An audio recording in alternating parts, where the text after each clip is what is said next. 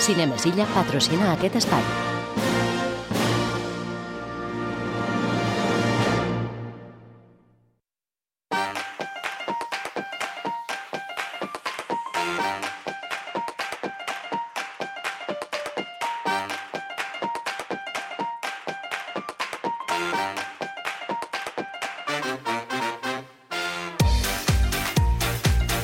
Vinga, anem cap a Cinemes Illa Carlemany perquè us deia, cada dia ha estat arribant una, una estrena. Cada dia des de dimecres. Robert Ruesques, director en funcions de Cinemes Illa Carlemany. Bona tarda, benvingut. Bona tarda, Xavi. Uh, tot bé, amic? Sí, molt bé. Sí, m'agrada. Vinga, va. Uh, sobretot tot bé també per l'estrès, no? Perquè dimecres una, uh, ahir una altra, avui una altra, I, i, dimecres que ve un altre. i dimecres que ve una altra. Una bogeria, això. Entre Nadals, entre polvorons, torrons, doncs tens una estrena nova. Mira, està bé, eh? Està bé, està bé, està bé. Està sí, bé, sí. està bé. Val, val, val. Escolta'm, comencem per la de dimecres, va. Uh, Aquaman, no? Sí, que podríem dir que és potser la més, la més destacable de la setmana, oi? Sí, senyor. Sí, senyor. Sí. Aquaman i el Reino Perdido. Jason Momoa, evidentment, com a, com a Aquaman, però atenció que també, ja ho sé que els fans eh, ho tenen clar, però apareix Nicole Kidman i Dolph Lundgren. Ostres, sí. Aquest, aquest és mític, eh? Sí, no, no. A veure, surten també més gent. Bueno, també surt eh, Patrick Wilson, que és un Sí. habitual del cinema de por. Sí. Molts, molts el coneixereu. O sigui que tu l'has de conèixer. Correcte, jo el tinc, vamos. Vamos, eh, és el teu actor fetitxe. Correcte. Molt, molt conegut per franquícies de por com Expediente Warren o Insidious. Sí, sí. I Dolph Lundgren és el que dius, aquest senyor... Dolph Lundgren és el que es va barallar amb Rocky Sí, i el que últimament hem vist a, a Mercenarios, los Mercenarios. és veritat. Sempre es baralla aquest senyor, eh? Però mira que han passat anys, eh, amb el tema de Rocky. És el que es carrega a, l'Apolo. Sí, això va, ser a la, però això va ser la quarta, oi? Sí, això va ser la quarta. Ha, ha plogut, eh? Ha plogut, ha sí. plogut. Ha plogut, ha plogut aquí. En fet, espera't, eh, ja, ja, ja ha posat De fet, va sortir a una de les... De, a la segona de Creed també va sortir, perquè reprenia la trama referent a Apollo Creed. Exacte. El, el, sí, sí, a la segona. A Creed 2 va, va tornar també a aparèixer Dolph Lundgren, sí. És veritat, és veritat, és veritat. Mira, ara estic veient la, la fotografia. 66 anys té, té l'amic. Eh, quan, va fer, quan va fer Rocky, imagina't. Home, això va ser als 80. Ah, sí, sí, per això. Vull Sí, dir que aquí deixa- Devia tenir 20 i pocs, eh? Aquí deixa els guants de boxa i es fica unes aletes, o sigui que està bé el canvi. Es posa aletes aquí. Sí, no? Podríem dir que es fica Val. banyador, aletes Sí. Iau, a nedar. i a nedar. I què, bé? Nada bé o què? A veure, aquest senyor nada millor que s'expressa, a mi em sembla, eh? Val. Però Uh, escolta'm, a mi m'han dit que, que en el fons eh, la pel·lícula surt quadrada. Vull dir, perdona, quadrada, surt rodoneta. és que hi ha, hi ha hagut molts, molts prejudicis també Sí, amb Aquaman. Sí, senyor, moltíssims, sí, senyor. moltíssims. I a mi em sap greu perquè això sempre fa por de que pugui afectar la recaptació final. Sí. Però, home, i, i és una llàstima, perquè al cap i a la fi Aquaman, de tot aquest univers de superherois que han fet DC, precisament la primera d'Aquaman és avui dia la més exitosa de totes. Ni Batmans, ni Supermans, ni, ni cap altre personatge. Això, ni... això perquè m'ho dius tu, però és que m'és tan difícil de creure. Em sobta, em sobta molt. Sí, sí, sí. Home, jo suposo que el problema que va tenir DC és que, clar, van voler agafar aquest model de negoci que havia inaugurat Marvel, però, clar, Marvel ho va fer a foc lent, Sí. van, van agafar el seu temps, però, en canvi, DC van voler fer-ho a un ritme molt accelerat, no? I clar, el bo que tenia la primera d'Aquaman és que estava allunyada d'aquestes pretensions, de fer- de- de- d'estar obligada a seguir un patró de pel·lícula de personatges, després una reunió, etc. És una pel·lícula d'acció-aventures que, des del meu punt de vista, estava molt ben aconseguida Uh -huh. i era molt, molt entretinguda, la primera. Però Val. moltíssim.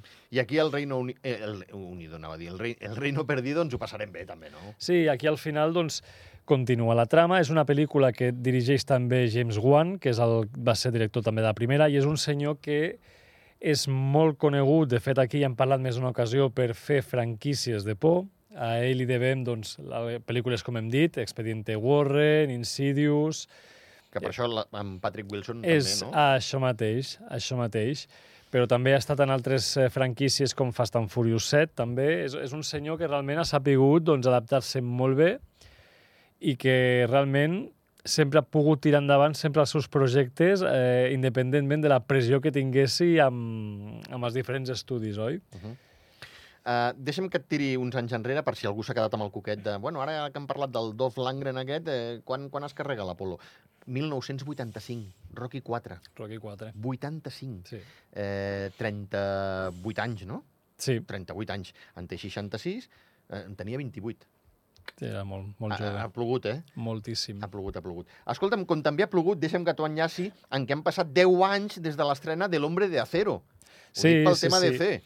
Una altra cosa que tampoc li ha ajudat a aquesta pel·lícula, em sembla a mi, és que, clar, eh, sempre hi ha hagut moltes crítiques cap a aquesta franquícia, eh, en un principi perquè s'allunyaven de Marvel, després perquè s'han volgut apropar al to de Marvel i tampoc els sortia bé, una sèrie també de decisions mm, molt mal, poc encertades, podríem dir-ho, i clar, i com també aquest estudi o aquesta franquícia no, doncs ara passa a poders d'altres mans, en aquest cas de James Gunn, més popular com el director de, les, de la trilogia de Guardianes de la Galàxia, Uh -huh. que ja va coquetejar amb DC amb l'Esquadrón Suicida, doncs clar, ara passa per a les, les mans d'aquest senyor doncs, crear doncs, una nova... Bé, un nou rumb, no? un nou camí per tots aquests superherois i personatges de DC que en un principi reiniciarà a partir del 2025 amb una nova pel·lícula de Superman. Val. I clar, i això imagino que ha creat molt, molt recel, perquè clar, aquest pla ja es va doncs, publicar quan encara DC doncs, tenia diverses pel·lícules eh, al forn, Val. i entre elles era aquesta, que és la última. Val. La gran pregunta és si després alguns personatges podran reprendre els seus Exacte. papers en aquesta nova rumb, no? aquest nou camí que voldrà doncs, preparar James Gunn, o si finalment serà un reinici complet de tot. Això és una cosa que encara desconeixem. Val, val. Uh, Jason Momoa i Patrick Wilson, uh, jo l'he pogut trobar, uh, això ens ho diràs tu, que, que estic convençut que has vist la pel·lícula ja, uh, encara en, en...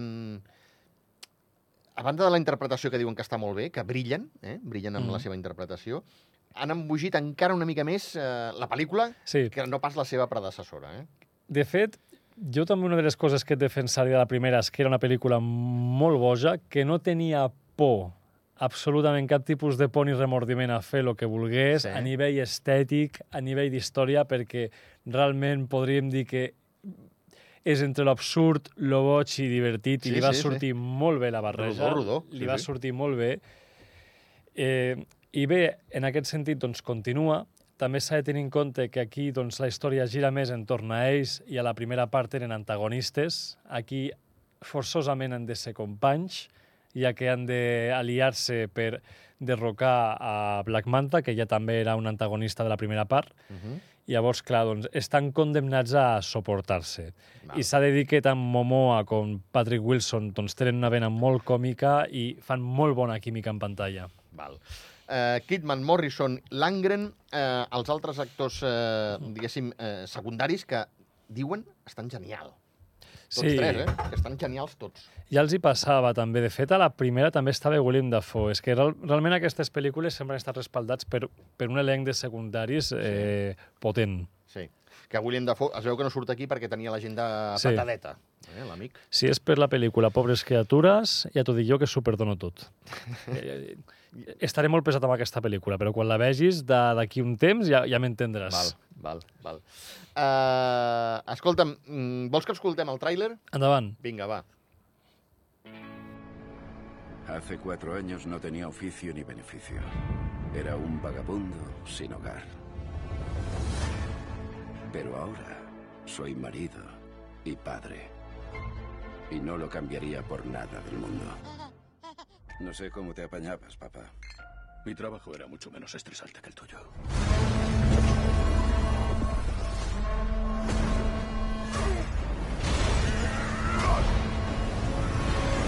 Sí, al final conseguí trabajo. Soy el rey de Atlantis. 500 millones de criaturas, de todas las especies conocidas del océano, consideran esto su hogar. Pero eso no significa que yo sea del agrado de todas. Voy a matar a Aquaman y a destruir todo lo que para él es importante. Voy a asesinar a su familia. Y a reducir su reino a cenizas. Hay que detenerlo, o el colapso global será inminente. Sé de alguien que podría ayudarnos. Uh, tienes mal aspecto. Muy bien, hermanito. Choca esos cinco. No me llames, hermano. No me puedo creer que hayas dejado que esto ocurra. Ya ves, odio este trabajo. Un verdadero rey tiende puentes, ¿no?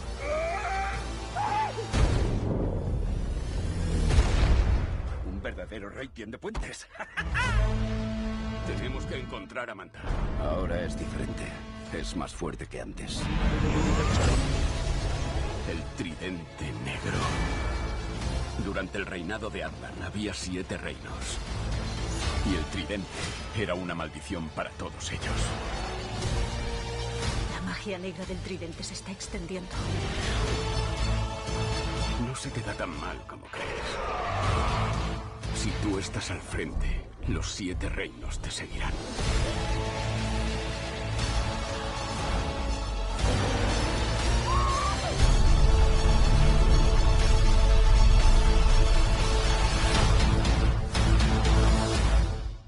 Vinga, va, pel·lícula entretinguda, eh? Sí, pel·lícula d'acció entretinguda, simpàtica, amb un elenc de secundaris que jo penso que ens veurem moltíssim. Uh -huh.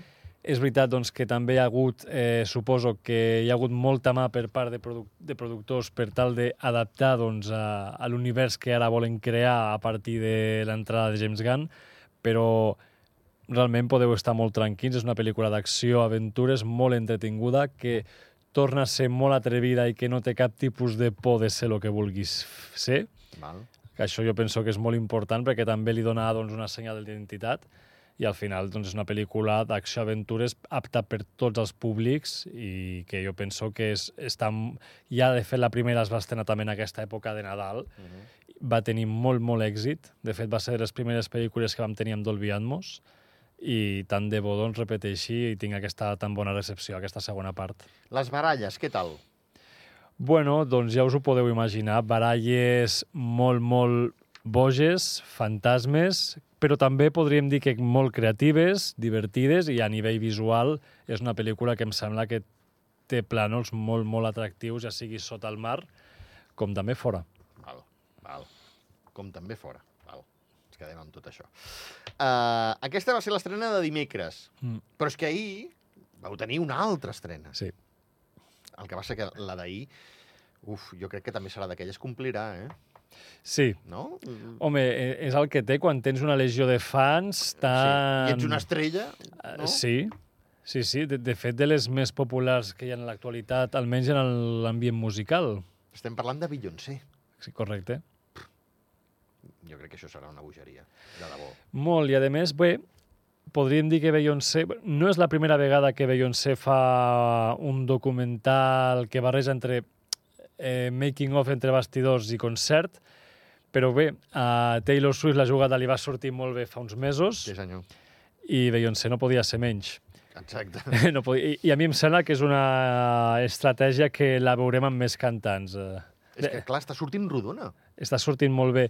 I de, I de fet aquí és molt interessant perquè al marge de, del concert de Renaissance, que és bàsicament cobreix doncs, l'última gira que va tenir, doncs també es volca molt en el procés creatiu de Beyoncé, tant en el moment en què estava fent l'àlbum, com també quan està preparant l'espectacle.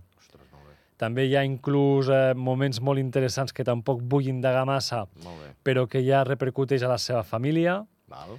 Del fet de que la seva filla petita volgués també sortir a l'escenari, el que pensa Beyoncé, el que l'opinió pública pensa de tot això i com també a ella li afecta quan potser estan completament d'acord. Exacte. O sigui, Ostres, és bo, sí, bo. en aquest sentit jo penso que és un regal eh, per als fanàtics de Beyoncé i el fet de que realment també indagui en com ella im- s'implica o com treballa, com serà l'escenari o quin és el seu procés creatiu, jo penso que això ja és de per si molt interessant. Més que pot ser inclús el concert, que Exacte. ja Sí. que a nivell visual doncs, és un espectacle, és magnífic, però tot el que hi ha al darrere és inclús més interessant. Uh, aquí podem veure, com bé deies, la- l'última gira mundial que serveix de recolzament al seu setè àlbum d'estudi. Sí. Uh, L'espectacle deu ser bogeria i mitja, no? Totalment. Perquè, sí, clar, sí. estem parlant de... de, de... Bé, estem parlant D'una d'una... top, d'una top. Sí, sí, estem parlant d'una cantant molt, molt mediàtica que ja porta molts anys entre nosaltres, ja completament consagrada i que ja sap el que vol i lo que va. Realment doncs, podem esperar un espectacle espectacular. I a part, doncs, això, no? amb testimonis familiars eh, i amb l'equip que treballa amb ella i s'ho planifica, i doncs, també amb imatges exclusives que mai encara s'han vist. Clar, és, és, jo penso que és tot un aconteixement. Perquè ja mm, barreja també, eh, com bé deies, entre bambolines i també entrevistes, oi? Sí. Val. I hi ha, i hi ha part d'entrevistes, és també motivacions. Motivacions, converses, Val. eh, opinions, pensaments... déu nhi molt bé, molt bé. Gira que va començar a Estocolm al maig d'aquest 2023 sí. i que va cloure a Kansas City fa, res, un parell de mesos, a l'octubre. Uh, 56 concerts. Uh, escoltem part del documental? Jo, per mi, encantat. Vinga, va.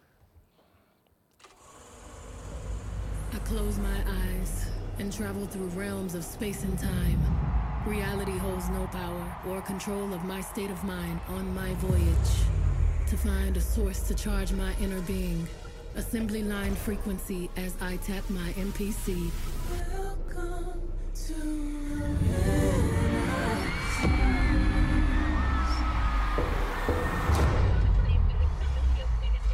in this world that is very male dominated, I've had to be really tough to balance motherhood and being on this stage.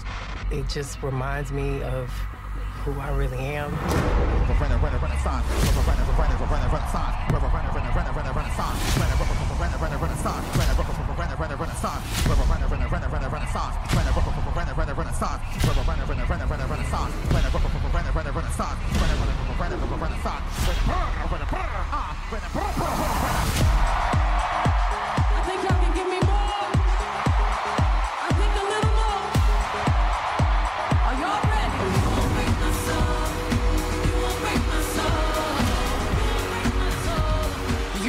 Visual, baby. It's a new birth. I hope you feel liberated, but the renaissance is not over. Everybody. Oh, oh my gosh, she's so little. Novena gira de Beyoncé. Atenció, eh? Rècord de venda d'entrades arreu del món. Setena gira de concerts amb eh, una recaptació més gran de tots els temps. I la gira eh, amb una mm, recaudació més gran mai realitzada per una artista femenina. Sí, És la dona rècord, eh? totalment. Rècord, rècord. De fet, a, aquest empoderament també resalta molt el documental, el qual jo penso que és molt important i que pot servir molt d'inspiració. I bé, em sembla a mi que no veurem res d'aquests milions nosaltres, però bueno, em sembla que van quedar contents, però no el suficient, perquè, vinga, ara al cine. Exacte, exacte. Uh, personal i professional, eh? Veurem Sí. tot una miqueta, eh? No diem res més. Uh, una altra cosa, preu... Uh, Sí, en aquest cas és preu únic, és preu a 14 euros. Eh, ja us ve donat, oi? Sí, en aquest sentit ja és una imposició, sempre pots pujar-lo però no baixar-lo, nosaltres el tenim al mínim en aquest sentit, Val. i bé, al final, doncs, és veritat que al principi pot semblar una mica excessiu, però si ho mires... mm, Clar, Sí. tenint en compte que estem parlant d'un documental, concert que elaboràs amb una pantalla gegant i amb un equip de so que realment està preparat perquè puguis gaudir dels greus, dels aguts, doncs mira, no és el concert en viu, però gairebé. Però quasi bé, sí. Ja. sí. Eh, per tot això, eh, sincerament, eh, eh, i sobretot pels fans, però per qualsevol persona, no ho trobo car. No, no, no, és que realment no ho és. Que val un concert de Beyoncé. Ja ho sé que, evidentment, és en viu, i... però, ostres, com ho feu viure a Cinemes Illa... Això és el mateix que passa amb les òperes, els ballets, al final. Correcte. És una forma de poder fer arribar un altre tipus de contingut alternatiu que té una base de seguidors eh, important i que, evidentment, doncs, es podrà veure i gaudir en les condicions eh, audiovisuals doncs, realment òptimes. I avui tenim una altra estrena. Sí, Avui animació. Ja tocava. Ja tocava, Ja sí, sí, tocava. Tens, tot, ho tens tot, ho tens tot. Migració en un viaje patas arriba. Què veurem aquí, va?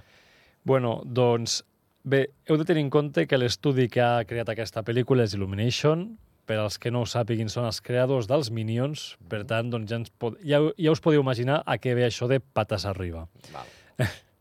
En aquest cas, doncs bé, és una família d'ànecs, eh, que són els Malak, conformat per a, els dos pares el, i després els dos fills. En aquest cas, doncs, el pare és molt, molt, molt sobreprotector. La vida que tenen a l'estanc doncs, és realment molt tranquil·la, molt còmoda, però gens, gens estimulant. Val. Val. Uh, escolta'm, ja sé que sempre ho diem amb les d'animació. Uh, pel·lícula molt blanca, per això és per Sí. nens, per això és per nens, això està clar, per tots els públics, per tant, però amb molts missatges destinats als adults.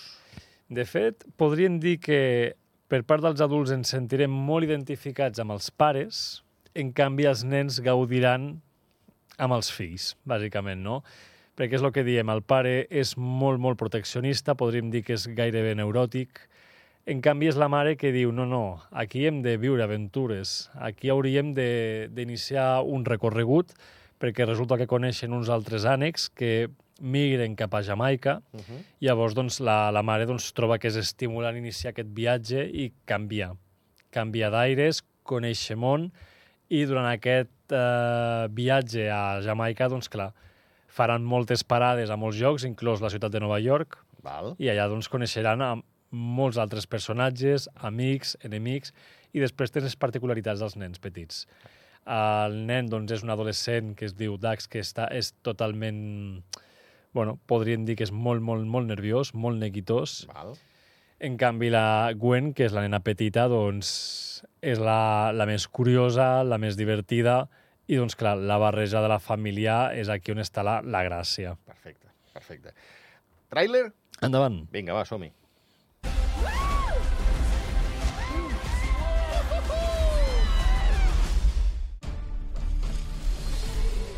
Estamos todos juntos.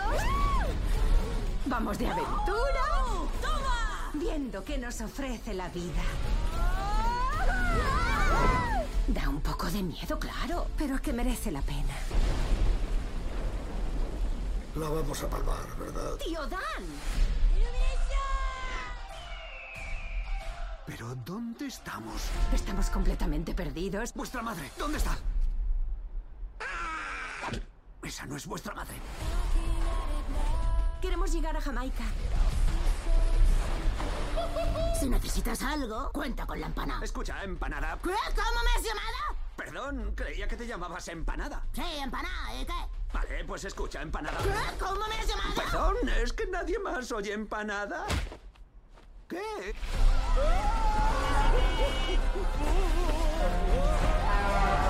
No se trata solo de emigrar, es una aventura.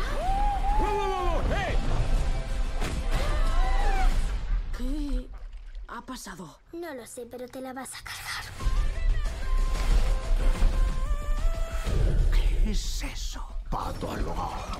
¿Qué es? Vinga, migració en un viaje patas arriba. Acció, somriures, ball... Ens ho passarem... Evidentment. I com no, la moralina. La, Ai, ai, ai, ai, ai. la bona moralina. Va, a veure. Jo aquí detecto dues. Vinga. Una per adults i una altra per nens. Val. O sigui, és més que picada d'ullet al- als adults, eh, aquesta sí, pel·li? Val. moltíssim. Val. Va, a veure. Home, la dels nens, doncs podríem dir que és l'aventurar-se, el no tenir por a aventurar-se a provar coses noves, que el Val. fet de provar coses noves pot ser algo molt emocionant i molt estimulant. Val. I per als adults, home, sincerament et diria, Xavi, deixa de treballar, deixem de treballar i ens anem de viatge. Eh, mira, si vols ho fem d'aquí 5 minuts, ara, clar. Doncs ja saps. Deixem, m'ho apunto, eh? Deixem de Ja. treballar i viatgem, eh? Val, val. Bueno, s'haurà de veure la pel·lícula a veure com ho enfoquen. Deixem de treballar i viatgem, ens has dit. Uh, una cosa més, una cosa més, que no, no estem descobrint res. Divendres, evidentment, de la setmana que ve hi ha més estrenes, val? Sí, Però dimecres en tenim una altra. clar, com ara són èpoques festives, doncs moltes vegades s'avancen les estrenes. En aquest cas, la primera estrena que tindrem després de les festes de Nadal és El peor equipo del mundo, per al dimecres 27. Val. També per la canalla? Bé, en aquest sentit, bé, hem parlat que tenim de tot. Tenim acció, aventures, sí. ara ens faltaria una comèdia. Val, Doncs aquí la tens. val, comèdia. Per tots els públics, per això, no? Una pel·lícula que, sí, està dirigida, de fet, per Taika Waititi. De fet, el reconeixereu per les últimes pel·lícules de Thor i també de Jojo Rabbit. Sí. I en aquest cas, doncs, eh, fa una crònica real d'un equip australià o neozelandès, no estic ara mateix molt segur, que va ser entrenat per un entrenador molt, molt rigorós que aquí l'interpreta Michael Fassbender, Val. Eh, en un personatge que també està molt allunyat de lo que estem acostumats d'ell, i realment, doncs, aquest equip que ha d'entrenar estava considerat com el pitjor equip del món. Uf. El peor equipo del mundo estrena dimecres 27. Per tant, atents i atentes, eh? que divendres que ve en parlarem aquí amb, amb tu, Robert, però la gent dos dies abans ja l'haurà pogut Ja la eh, podrà veure. I, evidentment, de l'estrena de divendres ja en parlarem divendres. No podem avançar tantes coses, que si no és una bogeria. Robert Ruescas, eh, director en funcions de Cinemes Illa Carlemany, gràcies. A vosaltres. Que tingueu tu i tot el teu equip molt bon Nadal i la setmana que ve ja et desitjaré allò de bon any. Igualment, Gràcies, a tot l'equip, que passeu molt bon any. Merci.